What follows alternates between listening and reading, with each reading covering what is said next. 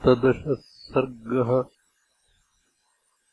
अथ राजन्महाबाहुः विचरन् समहीतले हिमवत्सानुमासाद्य परिचक्रामरावणः। तत्रापश्यत् स वै कन्याम् कृष्णाजिनजटाधराम्। आर्षेण विधिना चैनाम् दीप्यन्तीम् देवतामिव। स दृष्ट्वा रूपसम्पन्नाम् कन्याम् ताम् सुमहाव्रताम् काममोहपरीतात्मा पप्रच्छप्रहसन्निव। किमिदम् वर्तसे भद्रे विरुद्धम् यौवनस्य ते न हि युक्ता तवैतस्य रूपस्यैवम् प्रतिक्रिया रूपम् तेऽनुपमम् भीरु कामोन्मादकरम् नृणाम्। न युक्तम् तपसि स्थातुम् निर्गतो एष निर्णयः।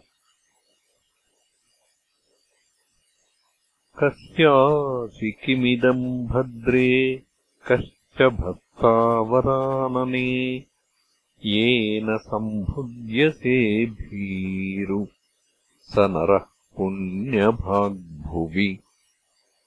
पृच्छतः शंसमे सर्वम् कस्य हेतोः परिश्रमः। एवमुक्ता तु सा कन्या रावणेन यशस्विनी।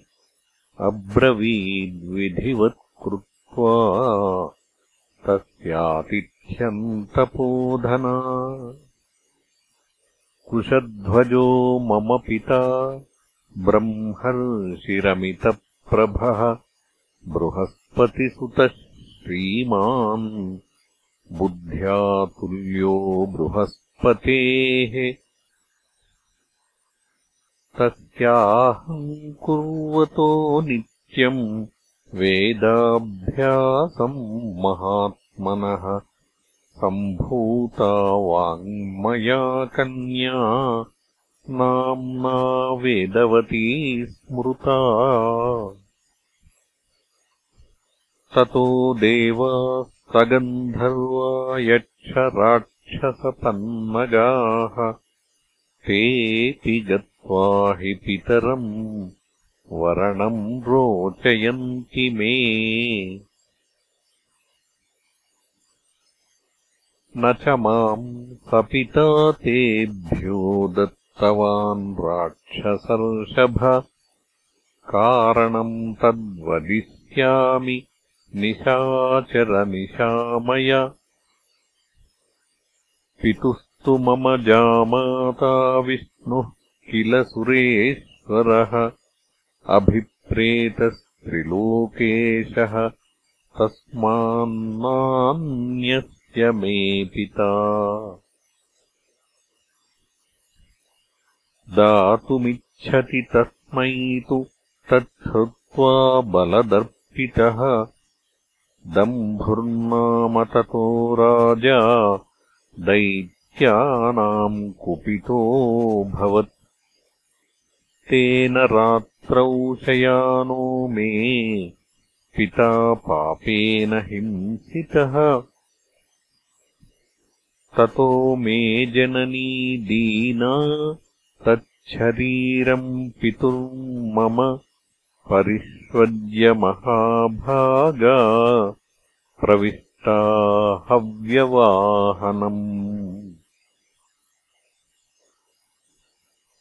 ततो मनोरथम् सत्यम् पितुर्नारायणम् प्रति करोमीति तमेवाहम् हृदयेन समुद्वहे।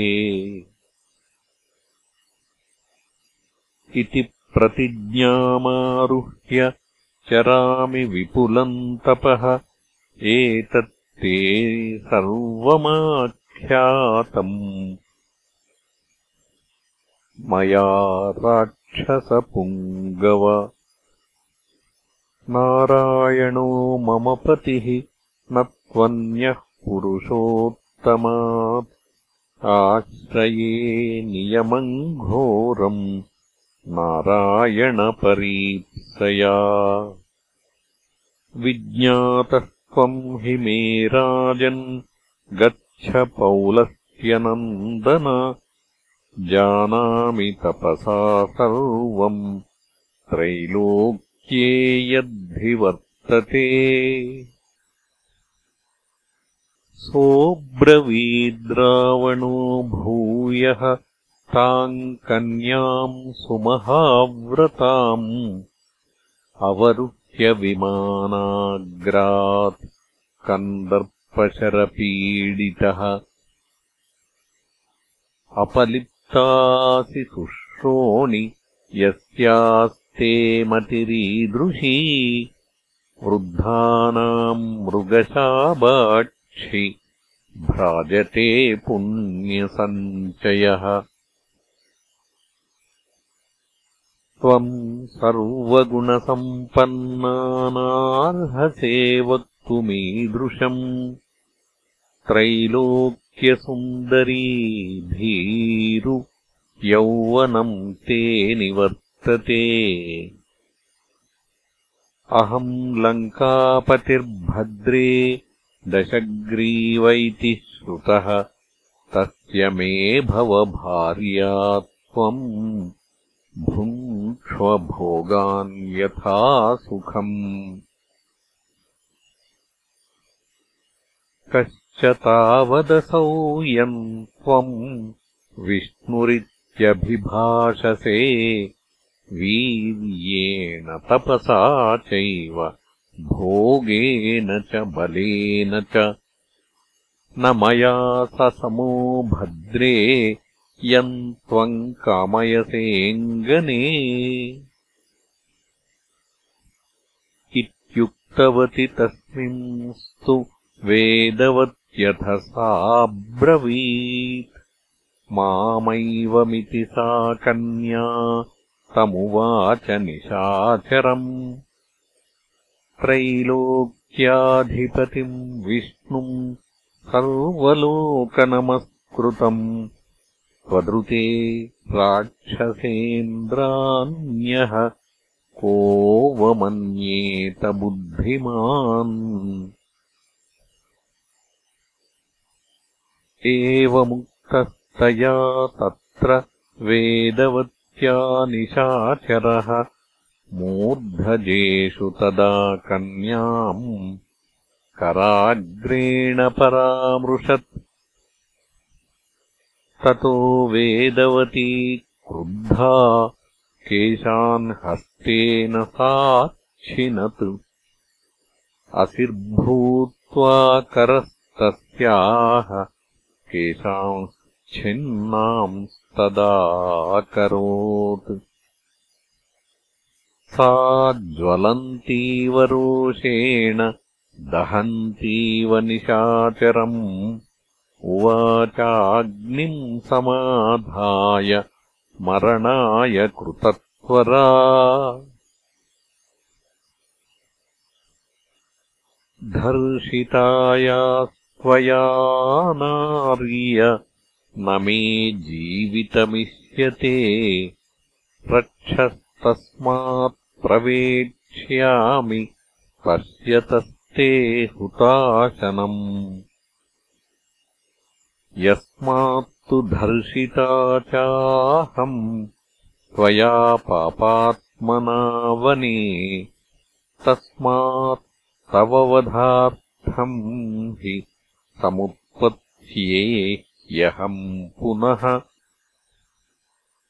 न हि शक्यम् स्त्रिया हन्तुम् पुरुषः पापनिश्चयः। शापे त्वयि मयोत्सृष्ट तपसश्च व्ययो भवेत्। यदि त्वस्ति मया किञ्चित् कृतम् दत्तम् हुतम् तथा तस्मात्त्वयो निजा साध्वी भवेयम् धर्मिणः सुता। एवमुक्त्वा प्रविष्टा सा ज्वलितम् जातवेदसम्। पपात च दिवो दिव्या पुष्पवृष्टिः समन्ततः। पुनरेव समुद्भूता पद्मे पद्मसमप्रभा। तस्मादपि पुनः प्राप्ता पूर्ववत्तेन रक्षसा कन्याम् कमलगर्भाभाम् प्रगृह्य स्वगृहम् ययौ प्रगृह्य रावणस्त्वेताम् दर्शयामासमन्त्रिणे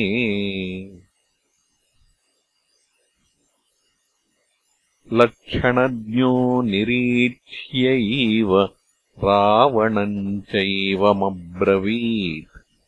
गृहस्थैषा हि सुश्रोणी त्वद्वधायैव दृश्यते। एतच्छ्रुत् त्वार्णवे राम ताम् प्रचिक्षेप रावणः।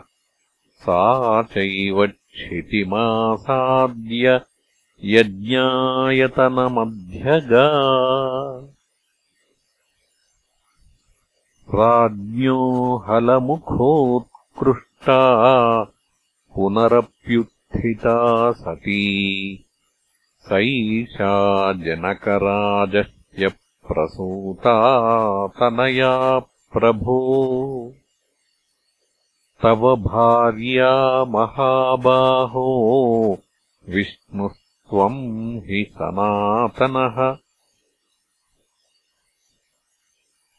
पूर्वम् क्रोधाहितः शत्रुः ययासौ निहतस्तथा। उपाश्रयित् शैलाभः तव वीर्यममानुषम्। एवमेषा महाभागा मत्येषूत्पत्स्यते पुनः क्षेत्रे हलमुखोत्कृष्टे वेद्याम् अग्निशिखोपमा। एषा वेदवती नाम पूर्वमासीत् कृते युगे त्रेतायुगमनुप्राप्य वधार्थम् तस्य रक्षसः